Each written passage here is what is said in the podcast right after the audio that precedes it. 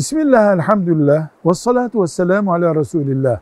Merak edildiği için soruluyor. Resulullah sallallahu aleyhi ve sellem Efendimizin yedi çocuğu oldu da bunların hiçbiri niye yaşamadı uzun zaman? Bir tek Fatıma annemiz yaşadı. Peygamber sallallahu aleyhi ve sellemin vefatından sonra 6 ay yaşadı o da. Mesela 3 erkek çocuğu hiç yaşamadı. Efendimizin sağlığında küçük yaşta öldüler.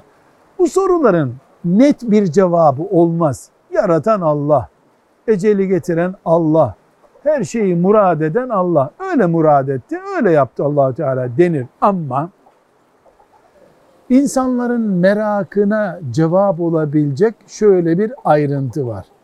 Resulullah sallallahu aleyhi ve sellemin erkek çocukları bilhassa ondan sonra 20 yıl 30 yıl yaşasalardı peygamberlik davası saltanat gibi bir görüntü alma riskini şeytan kullanmak isteyecekti.